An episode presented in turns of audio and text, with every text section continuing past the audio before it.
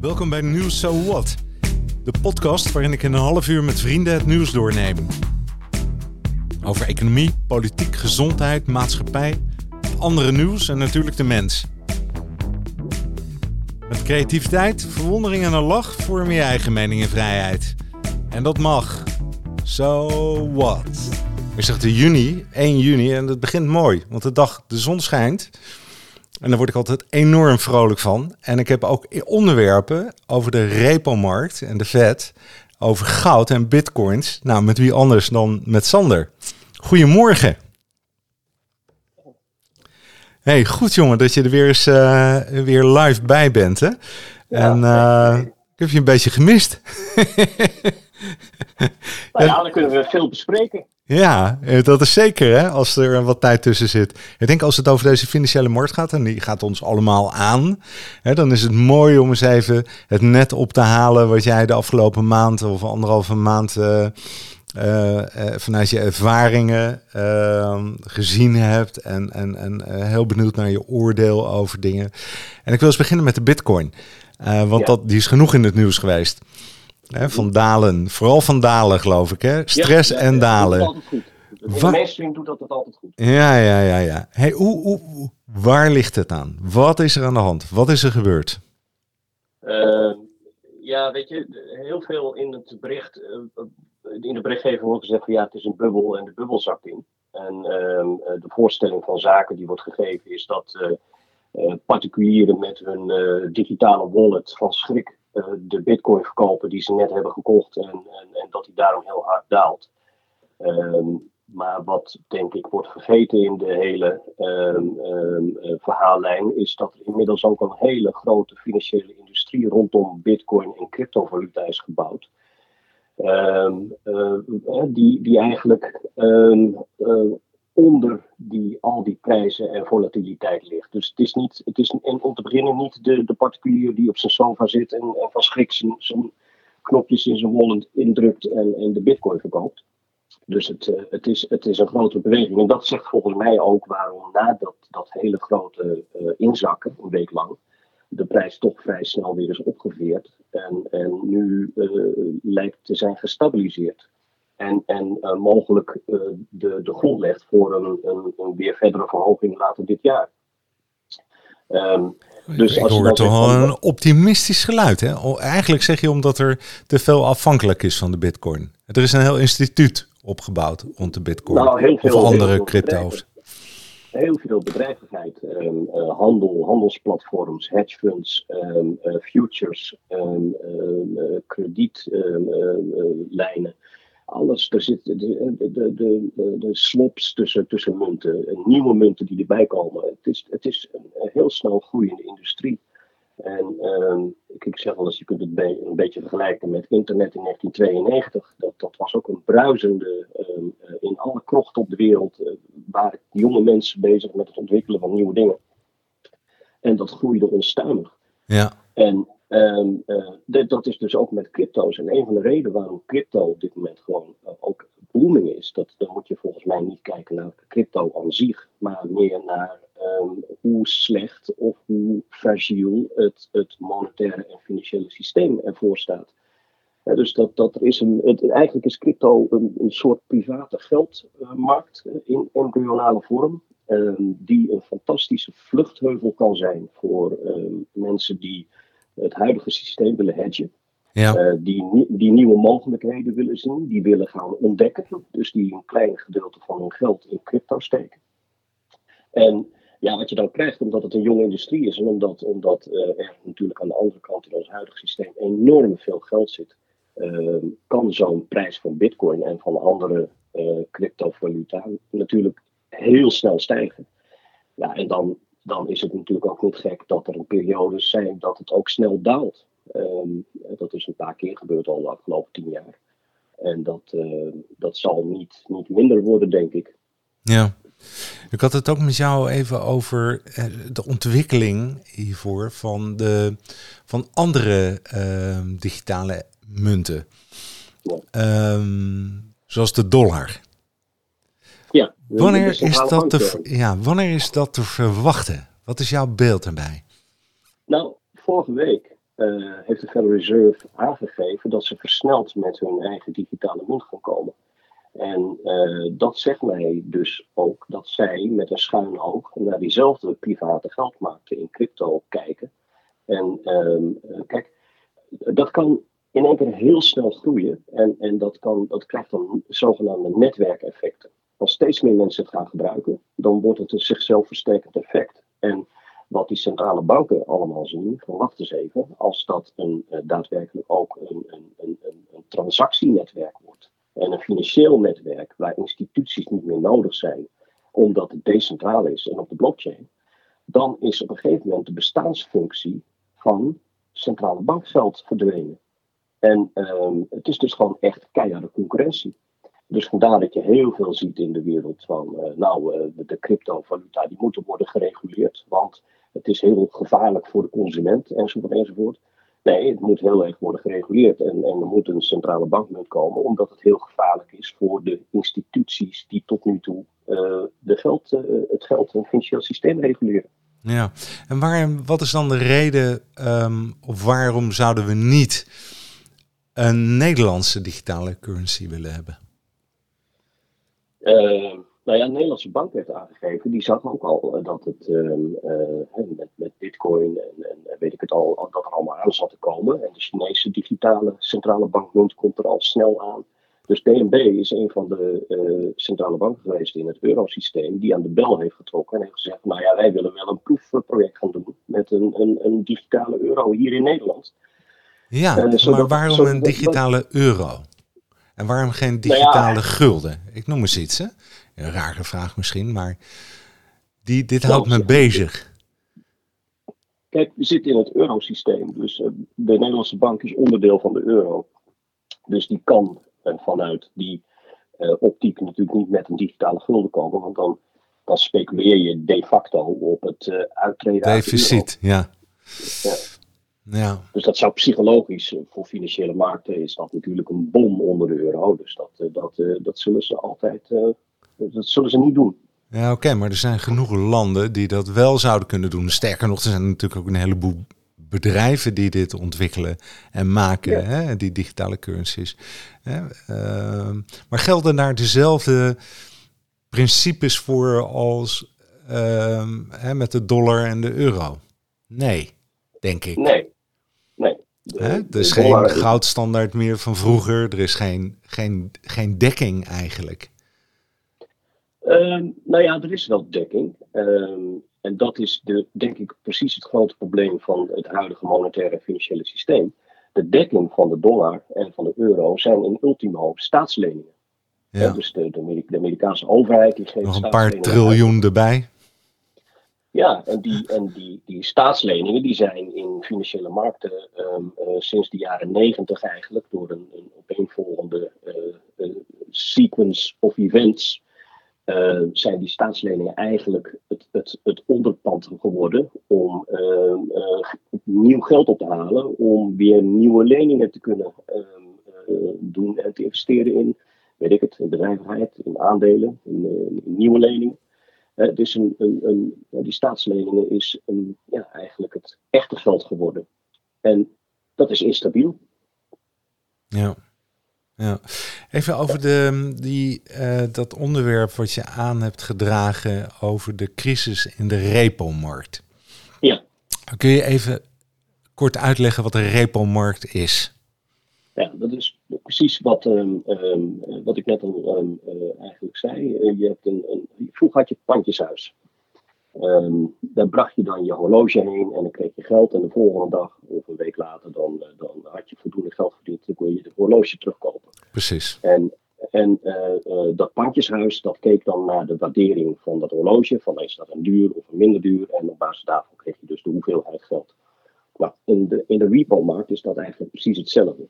Het is de markt voor de kort, kortlopende leningen eigenlijk, hè? Ja. Voor ja, 1, 2, 3 maanden, geloof ik, hè? Of langer? Voor één dag. Voor één dag. Eén dag, ja, oké.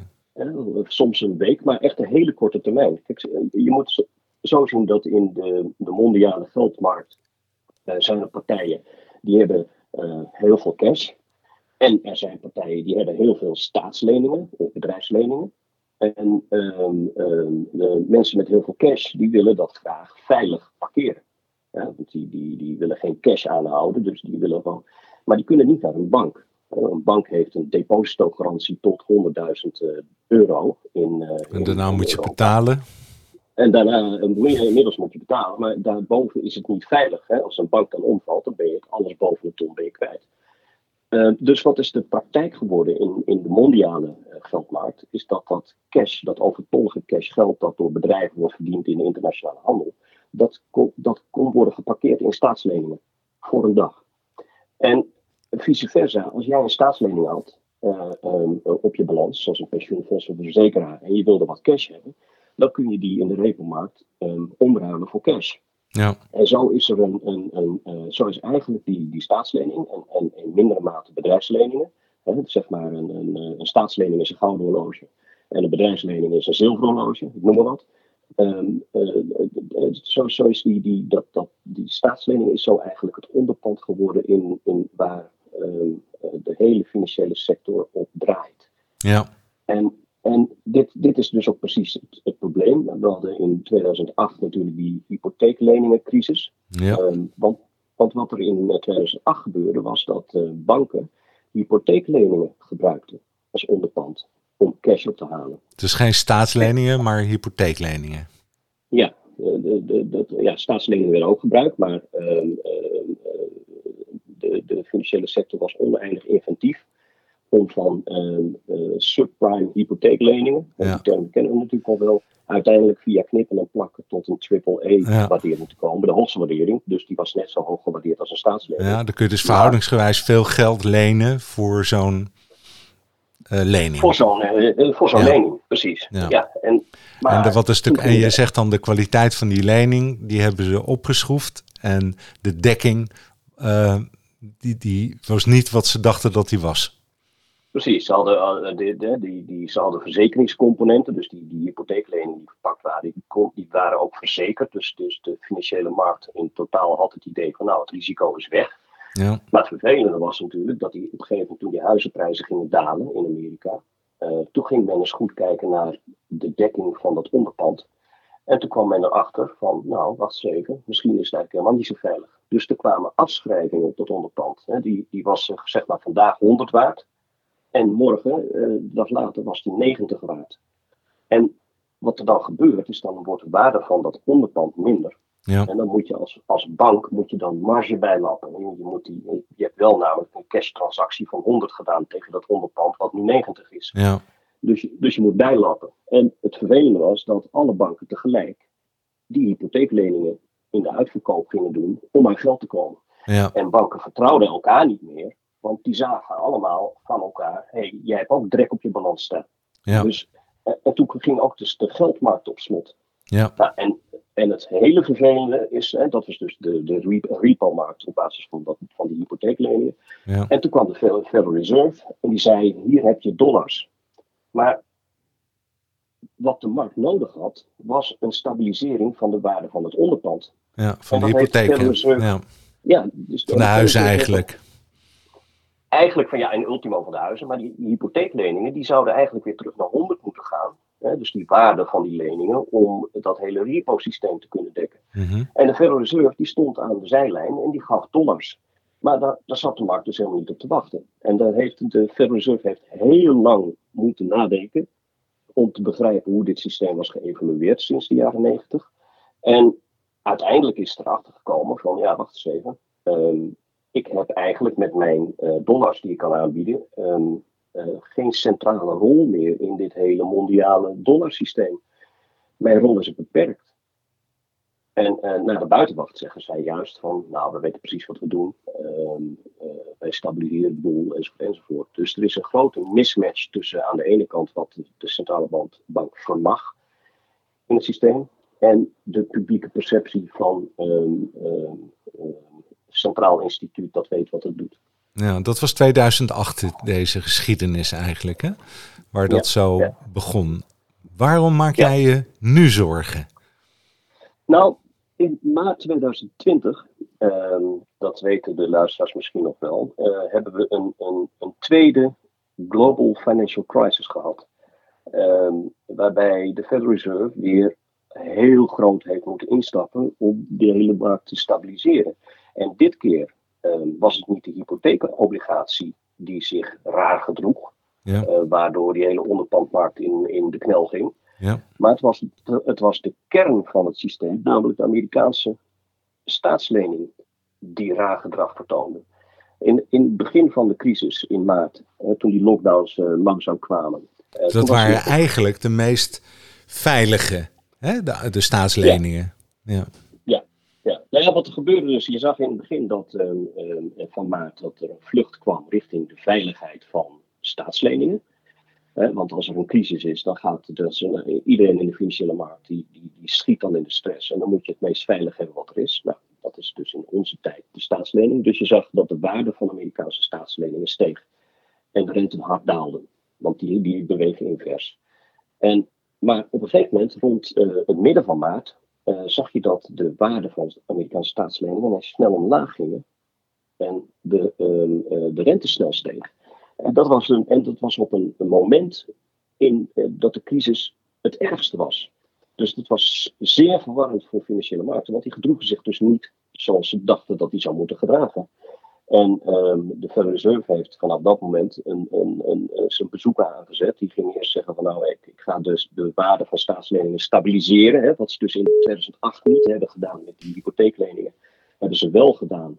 Uh, getracht in het begin met die, die waarde van Amerikaanse staatsleningen te, te stabiliseren. Ja.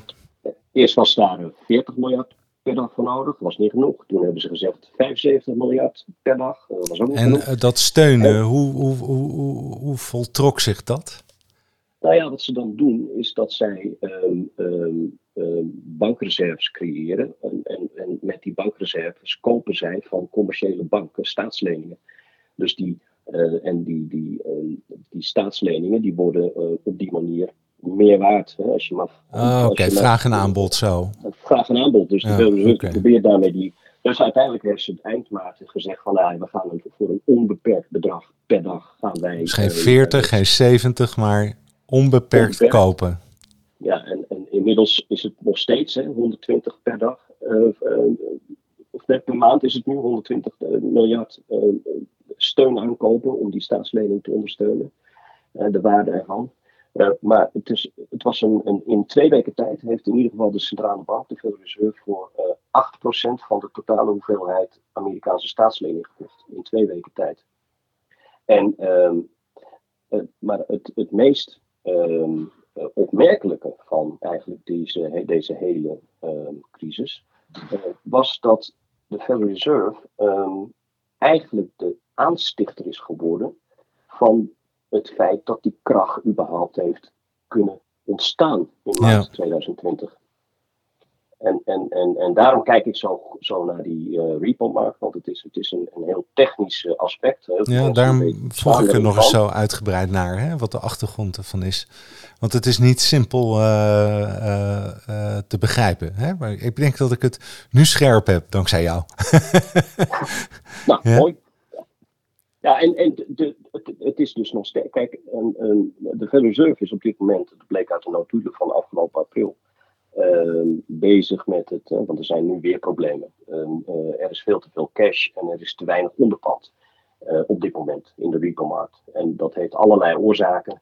En de Federal Reserve die, die heeft nu bekendgemaakt in notulen van, nou wacht eens even, tot nu toe hebben wij monetair beleid gevoerd, dat heeft niet goed gefunctioneerd. En crisis, zoals afgelopen maart, die kunnen ontstaan ondanks alle dingen die wij in onze gereedschapkist hebben. En dat betekent dus dat wij iets nieuws in onze gereedschapkist moeten hebben om die crisis te kunnen opvangen. Nou, en dat is een, een, een hele grote uitbreiding van het arsenaal van de Federal Reserve. En ja, dat, dat, dat maakt dat um, als, als de Federal Reserve, dat heet dan een, een standing repo facility, dan gaat dus de Federal Reserve um, middelman zijn bij uh, uh, die uitruil tussen onderpand en cash.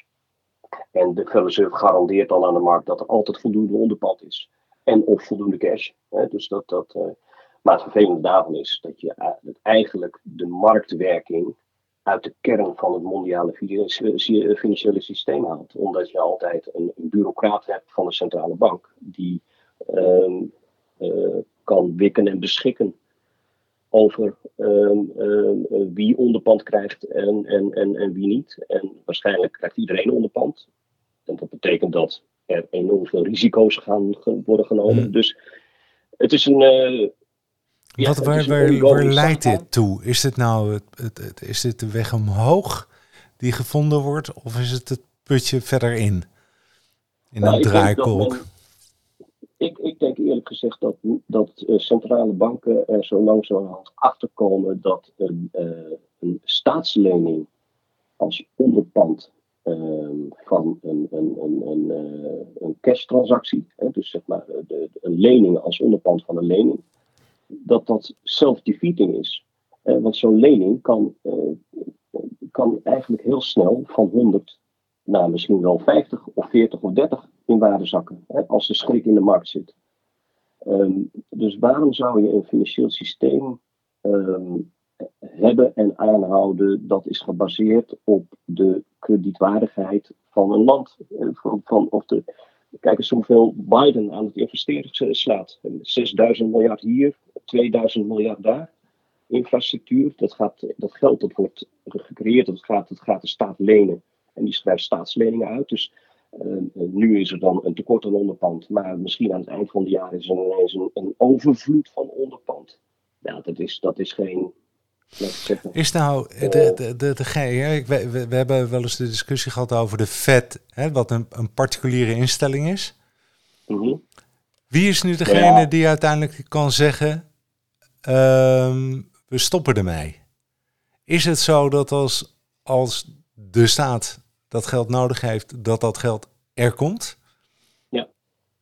Per definitie. Wie er ook achter zit en wie het beheert en welke uh, nou ja, het is, het is, een, het is een, eigenlijk, je, je zegt dan privaat, maar het is eigenlijk meer een publiek-private uh, uh, organisatie. Ja. Dus de, de, de staat ehm, heeft baat bij een goede afname van hun staatsleningen door het financieel systeem. Ja. Nou, de Fed, de Federal Reserve die speelt er een rol bij eh, om dat ehm, gladjes te laten verlopen. En aan de andere kant heeft de financiële sector baat bij een grote hoeveelheid staatsleningen die van onberispelijke kwaliteit zijn. Want dat is eigenlijk het moderne goud. Ja, want dat is een onderpand eigenlijk, een dekking. Ja, precies. Dus, dus als zij met die staatslening, uh, wat, wat vroeger monetair goud was, hè, een, een, een, nieuwe funding kunnen ophalen voor nieuwe investeringen, dan kunnen ze geld verdienen. Dus het is, een, het is een, eigenlijk een gijzeling waarbij de staat veel te veel kan lenen en de financiële sector veel te veel uh, onderpand heeft om uh, lekker geld te verdienen. Ja, wie maar wie durft er dan te zeggen, of wie kan er zeggen, of wie is er in staat om te zeggen? Weet je wel, net als thuis, dat je dan zegt, nou, er komt 300 euro binnen. laten we eens proberen om 300 euro uit te geven. Er is ja, iemand die een keer. hè, dat durft niemand. Dat durft niemand. Want kijk, de Amerikaanse staat is die is eigenlijk de, de, de, de aanstichter van hoe deze mondiale financiële markten zijn georganiseerd. Uh, dat is een mondiaal dollarsysteem. Nou, de Amerikaanse staat heeft 750 militaire bases wereldwijd. Uh, beheerst de, de, de wereldzeeën om de, de handel mogelijk te maken. Dus wie, wie durft de stekker uit dat. Wie durft de stekker uit de financiering van de Amerikaanse overheid te halen? Dat durft niemand. Uh, dus en, en tegelijkertijd zie je dat het um, instabieler wordt met de jaren. Ook omdat de, de relatief Amerikaanse economische groei afneemt ten opzichte van de wereld.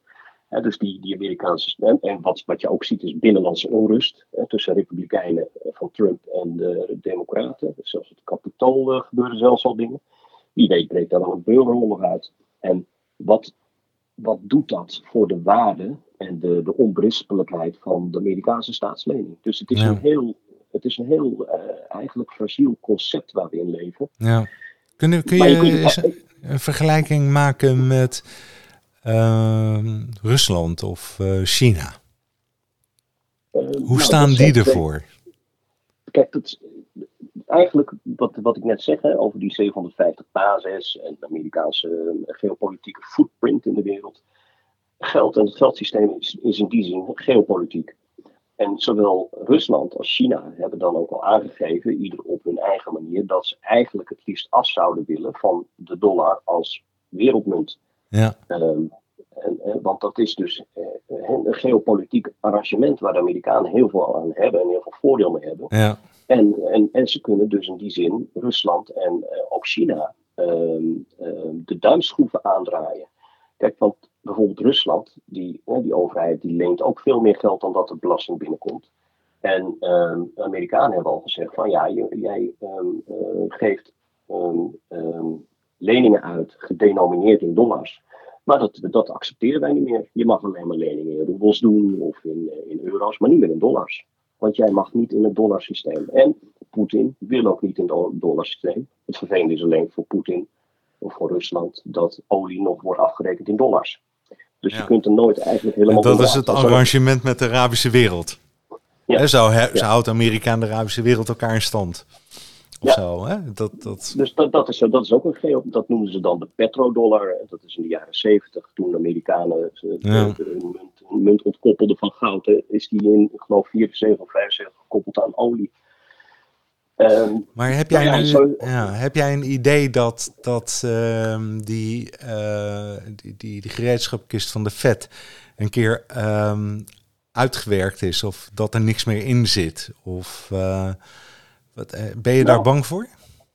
Nou, ik ben eerlijk gezegd eerder bang, en dat zijn ze zelf ook, dat blijkt ook uit die notulen. Dat stel je voor dat zij die standing repo facility gaan opzetten. Dus dat zij de dealer worden of last resort in, in Amerikaanse staatsleningen, in onderpand. Um, dus, dus dat bijvoorbeeld, en dat is niet alleen voor banken uh, en geprivilegeerde partijen, maar ook voor, hè, voor alle partijen in de financiële markten. Dus ook voor hedge funds. Op het moment dat je dat doet, en nogmaals, de Reserve is daar ook bang voor, um, dan gaan de, de hedgefondsen die gaan dan heel risicovol um, investeren. Want ze weten altijd dat ze hun uh, korte funding uh, op gang kunnen houden. Omdat er altijd iemand is. En er zal nooit schrik zijn in de markt. Er zal nooit een waardedaling zijn van het onderpand. Omdat de Federal Reserve altijd beschikt over het beste onderpand. En dat kan uitlenen. Dus wat je dan krijgt is waarschijnlijk een enorme. We hebben al bubbelgedrag. Maar dan, dan, dan helemaal. He, waar gaan die hedgefondsen dat in investeren? Ja. Misschien, ja. misschien wel in bitcoin. Dus de, dat, dat kan een oncontroleerbare instabiliteit brengen in een systeem. Ja. En dus, als je dan toch het hebt over um, hedge funds, dan ja. die, die, die, en de belangrijke rol die zij spelen. En in relatie ook tot zeg maar, de verduurzaming van de wereld. Ja. He, langdurige uh, contracten, uh, duurzame contracten. Um, passen hedge funds dan wel in een toekomstige wereld? Uh, nou ja, dat proberen toezichthouders wel te sturen. Hè. Zo heb je de Europese Unie, die is bezig met een groene taxonomie. Van, uh, of met een taxonomie moet ik zeggen, waar je bruine beleggingen hebt en groene beleggingen en alles wat er tussenin zit. En dan is een bruine belegging, ehm, die is, is, is duurder want uh, daar zit een straf op, een, een, een, premie. En dat is bijvoorbeeld de olieindustrie. En een groen, dat is dan een windmolen, noem maar wat. En zo proberen ze de hedge funds en de beleggers en vermogensbeheerders te sturen in groen onderpand. Uh, zodat je dus uh, dat er meer gebruik gaat worden gemaakt van onderpand en die de vergroening versnelt. Dus ze proberen dat via incentives te sturen. Maar, in, maar een hedge fund, die, die, de, op mij, in mijn beeld, hè, en krijgt daar geen positief gevoel over. Weet je, het is, ik vind het agressief. Uh, het enige wat telt is geld. Ja. Uh, rendement. En hoe het bereikt ja. wordt, whatever. Hè? En of daar bedrijven het loodje voor moeten leggen uiteindelijk, maakt ook niet uit. Mm -hmm. um, dus ik vind, die, ik vind het een hele uh, korte uh, op één richting sturend uh, systeem of organisatie ja. of bedrijf. vraag ik me af of dat nog past in de, in de wereld van de toekomst. Hè, waarin ja, ja, we met elkaar een verantwoordelijkheid willen hebben, circulair willen zijn. En waar, waar de quick win. hedge funds voor mij zijn quick wins. Zoiets, zo, zo, zo komt het mij over. Of zie ik dat fout? Of voel ik dat fout? Nou, nee, dat zie je op zich niet zo fout. Um, maar het punt is, kijk, ook hierin weer, als je een, een, financieel systeem zo inricht dat jouw staatslening het beste onderpand is, dan, en je hebt heel veel begrotingstekorten, zodat er heel veel staatsleningen in het systeem komen. Nou, als, dat, als die staatslening dan het goud wordt voor het financieel systeem, dan krijg je dus iets wat in, in onze termen financialisering heet. Want het loont om geld met geld te gaan verdienen. Ja. dus zo kun je zien dat, dat in onze wereld de financiële sector um, ruim overbemeten is ten opzichte van de reële economie. Dus dat is ook iets. Hè, Precies. Dat, nu dus dat was de hele gedonde met, met die, met die uh, hypotheken shit, hè? Toch? Uh, hè? Dat, het, was, het waren allemaal producten, financiële producten die gemaakt zijn, die niemand meer begreep. Ja, en, en uh, de banken die gingen actief huis, potentiële huiseigenaren opbellen van hey, wil je niet een, wil je niet een huis kopen? Ja, dus, dus we, de, moeten. rollen waren totaal omgedraaid. Ja, precies. Hey, we, hebben, we hebben net heel even het over het woordje goud viel. Ja. En denk oh, zo'n mooie, uh, zo'n broodje, lekker mooie kleur, de zon schijnt. Um, wat, wat, welke rol speelt het goud nog? Nou, um, indirect een hele belangrijke rol. Dat zien mensen ook niet. Dat is natuurlijk ook weer heel erg voor um, de bevolking afgesloten. Dat haalt de kolommen van de kranten niet. Uh, journalisten zijn doorgaans lui of uh, en agenda, dat weet ik niet, maar ik, je, leest het bijna hard. Want weet jij hoeveel goud er per dag wordt verhandeld in Londen? Mm, nou, dat, dat, dat, dat, ja, als dat ook allemaal zo, op die dagbasis uh, hè, gaat, dan is dat natuurlijk enorm veel geld. Ik zit even snel te scannen om jou, uh, om jou slim van antwoorden te voorzien. Maar ik kan het niet vinden. Nee, ga door. Ja, eh, in, in Europa heeft eh, alle centrale banken in het eurosysteem bij elkaar hebben zo ongeveer zo'n 10.000 ton goud in hun kluis liggen. Het ligt er al, al jarenlang lekker stil te zijn. En uh, nou, de Nederlandse goudvoorraad is verhuisd van Amsterdam naar, naar eerst nu naar Haarlem en uiteindelijk naar Zeist. Dus daar doen ze heel voorzichtig mee allemaal.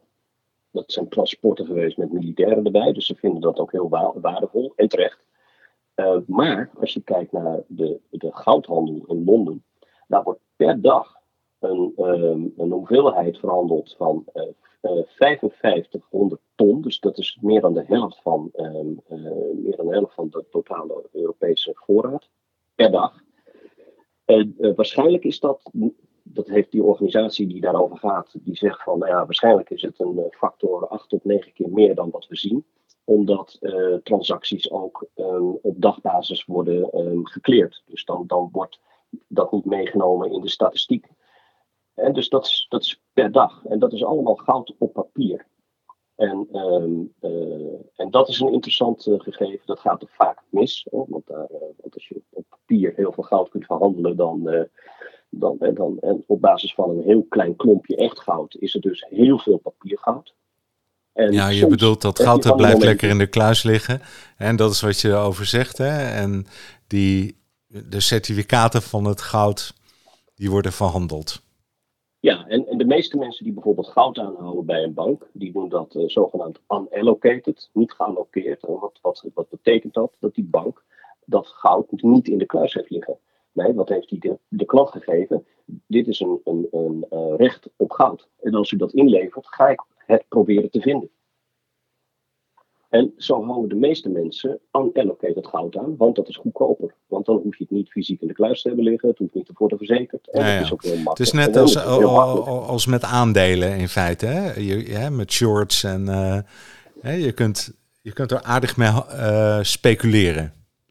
Ja, en dat is ook precies wat er gebeurt. En, en je moet ook bedenken dat als die, die, omdat bijna iedereen in papiergoud zit en er dus heel weinig fysiek goud, eh, vraag naar fysiek goud in de kluizen is, ehm, is er eigenlijk ook op papier veel meer goud dan er eigenlijk is. En dat heeft natuurlijk een prijsdrukkende effect. als je één Mona Lisa hebt, dan kost die 10 miljoen. Maar als jij 20.000 claims op een Mona Lisa hebt, dan kost die waarschijnlijk niet 10 miljoen, die claim. Hè, maar is die claim veel minder waard. Maar iedereen denkt dat hij een claim heeft op de Mona Lisa. En dat is dus het gevaarlijke van zoveel papiergoud. Als er een run komt op fysiek, dan is het niet. Nee, dat is er niet. En wat is de verhouding tussen papiergoud en fysiek goud? Ja, er zijn wel eens getallen geweest van 1, 1, 1 staat tot 100. Dat is waarschijnlijk overdreven. Maar als je dus die, die, die eigen organisatie in Londen al zegt van nou ja, op papier wordt er wel 5.500 ton per dag verhandeld, maar het is waarschijnlijk een factor 9 meer. Nou, dan kun je bedenken dat er veel meer papiergoud uitstaat dan er fysiek uh, aanwezig is. Het is een beetje dat spelletje van. Maar, uh, maar, dit is al jaren aan de gang, hè? Zo gaat het al jaren. Hè? Maar dat artikel wat je gepubliceerd hebt, dat heeft als titel Alarm gaat af in de goudmarkt. Wat is het alarm? Ja. Nou ja, die, um, al dat, uh, dat, dat goud op papier, dus die, die, die mensen die, papier, die goud op papier bezitten, die, die hebben allemaal een claim op goud. En die banken die hebben het niet in de kluis liggen, maar die hebben gezegd: ik ga het uh, voor je krijgen op het moment dat je het vraagt.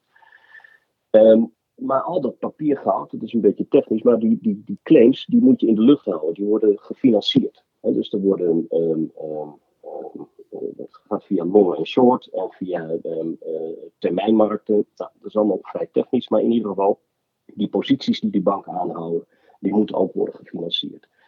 En wat er nu aan de hand is, en dat is een heel interessant uh, gegeven, dat de organisatie die in Londen gaat over uh, de, de, goudhandel, dat is de London Bullion Market Association, die heeft nu afgelopen maand een brandbrief geschreven aan de, de Bank for International Settlements, dat een bepaalde regel die ingevoerd gaat worden in juni in Europa en in Engeland eind dit jaar, dat die regel heel schadelijk is Ehm, voor de papieren goudhandel. En, ehm, en ze zeggen daarbij, en ze zeggen daar een, een viertal eh, eh, dreigingen zien zij, dat, dat, ehm, eh, dat het veel te duur wordt om te handelen in, in goud of in papiergoud. Dat de liquiditeit zal verminderen, dat er misschien zelfs een implosie komt van de papieren goudmarkt. En dat ook centrale banken, als die papieren goudmarkt illiquide is, ook niet meer kunnen handelen zonder dat het publiek het ziet. Dat zeggen ze in, dat open, in die openbare brandbrief. En, um, en dat is nogal opmerkelijk eerlijk gezegd. Um, want die regel die ingevoerd gaat worden, die is al bekend sinds um, ehm, 2014. En eigenlijk 2010. Dus hebben daaruit. De, de, Bank for International Settlements heeft gekeken naar um, het bankpraktijk. en, en, wat ik net zei eerder in dit gesprek over die hypotheekleningen dat uh, ze halen kort geld op in de repo-markt om uh, lang te investeren in een hypotheeklening. En um, uh, de BIS heeft dat gezien en dat gebeurt dus ook met hele risicovolle investeringen. En nu heeft de, BIS in Basel gezegd, nou we gaan een klassificatie maken van risicovolle investeringen. En um, hoe risicovoller de investering, hoe, hoe, groter de, uh, de zekerheid moet zijn dat jij kort geld kunt ophalen. Dat klinkt technisch, maar dat betekent in ieder geval dat, dat die banken, die goudbanken, um, voor goud, goud wordt in die BIS-regelingen gezien als een risicovolle investering. En daarvan moeten ze al 85% funding binnen hebben voordat ze dat die, in, die goud, in die lange goudlening mogen zitten. En dat maakt zo'n goudlening extreem duur. Dus dat betekent dat heel, heel, veel goudbanken die zullen uit die goudhandel stappen, want het wordt te duur. En uh, daarmee, uh, ja, wat gebeurt er dan? Uh, mensen op, die, die naar de bank gaan en goud willen kopen, die krijgen niet meer het aanbod om het unallocated aan te houden, want dat is te duur voor de bank. Dus er gaat meer allocated aangehouden worden. Dus de vraag naar fysiek goud zal toenemen. Als deze regel wordt ingediend en dat is dus de, de, een heel interessant fenomeen. Als ik kijk naar het hele spectrum. We hebben in dit gesprek in het begin Bitcoin en daarna die repo-markt van de, de Fed. En nu deze goudmarkt. Als je eh, dit een beetje beziet, dan kun je op een gegeven moment bedenken dat de BIS in Basel, wat de centrale bank der centrale banken is, een beetje bezorgd is over de stabiliteit van het, het, mondiale financiële en monetaire systeem. En dat zij ehm, ja, misschien op een sluikse manier wat lucht eruit willen laten lopen. Ja, ja. Dus denk je dat, dat, dat, er dan, dat ze baat hebben om die papieren goudmarkt? Uh, nou ja. Ik geloof dat jij het woordje dwarsbomen hebt genoemd. Ja, nou, ik, ik vind het. Ik, het kan zijn dat de Bies in Basel in 2010 of 2014 een foutje heeft gemaakt door goud als risicovolle grondstof te klassificeren in deze regel. maar ja, dat zijn geen gekke jongens daar in Basel. Ik bedoel, die, uh, die bestaan al een aantal decennia en die weten best wat de rol van goud is in het monetair systeem. Um, en die weten best wat de rol van goudbanken is, die, die altijd veel te veel risico's hebben genomen in die, in die goudmarkt. Er zijn een aantal flinke crises geweest en ook bail-outs, omdat uh, banken te veel uh, goud op papier hadden verkocht en het niet meer konden krijgen. En, en, en toen moest de Bank of England weer instappen om de helft van de goudvoorraad te verkopen. Dus de Bies en Basel die weet dat best. Ja. Uh, dus ik, ik, kan me, ik kan me nauwelijks voorstellen dat dit een foutje bedankt uh, uh, ding is. Hè? Dat er een, een maatregel komt van oké, okay, we gaan goud wel uitzonderen en je mag het wel gebruiken en ga maar door met je papieren goudmarkt. Dat, dat lijkt mij bijna onwaarschijnlijk. Het kan. Ehm, dus als ik er naar kijk, dan denk ik, nou, als, als, als het niet zo'n naïeve fout is, dan moet er een logica achter zitten waarom je dit doet. Ja, dan zeg ik de logica van, nou ja, je, wil dus die papieren goudmarkt terugbrengen. Uh, nou, veel minder omvangrijk dan dat die nu is.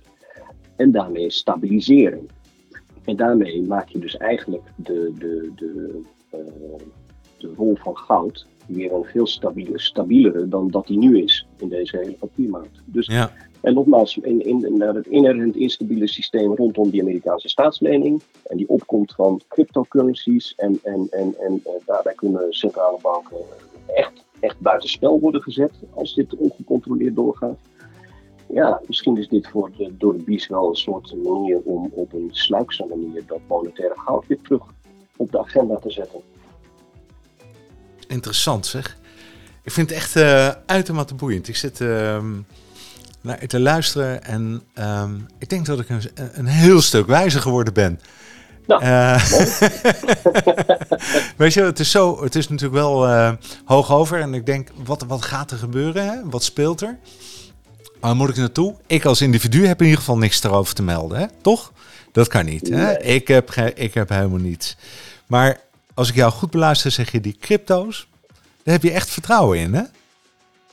Nou, uh, ja, in de zin dat het een opkomende private geldmarkt is. Op het moment dat de publiek-private uh, arrangementen instabieler worden. Uh, dus ik, ik ben niet een gelover van. Uh, ik geloof niet in intrinsieke waarden. ook goud bijvoorbeeld. Dat is ook maar wat de gekke voor geeft. Maar goed, als iedereen er heel veel voor geeft, ja, waarom zou je dan gek zijn om niet mee te doen? Ja, nou, mooi man. Enorm veel dank.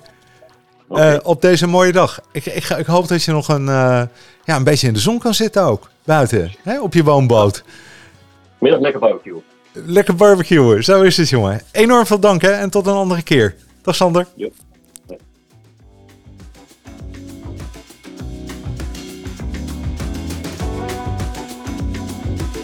Ja, zou ik dit nu het kopje alarm uh, moeten noemen? Uh, over bitcoin, goud, repo. Uh,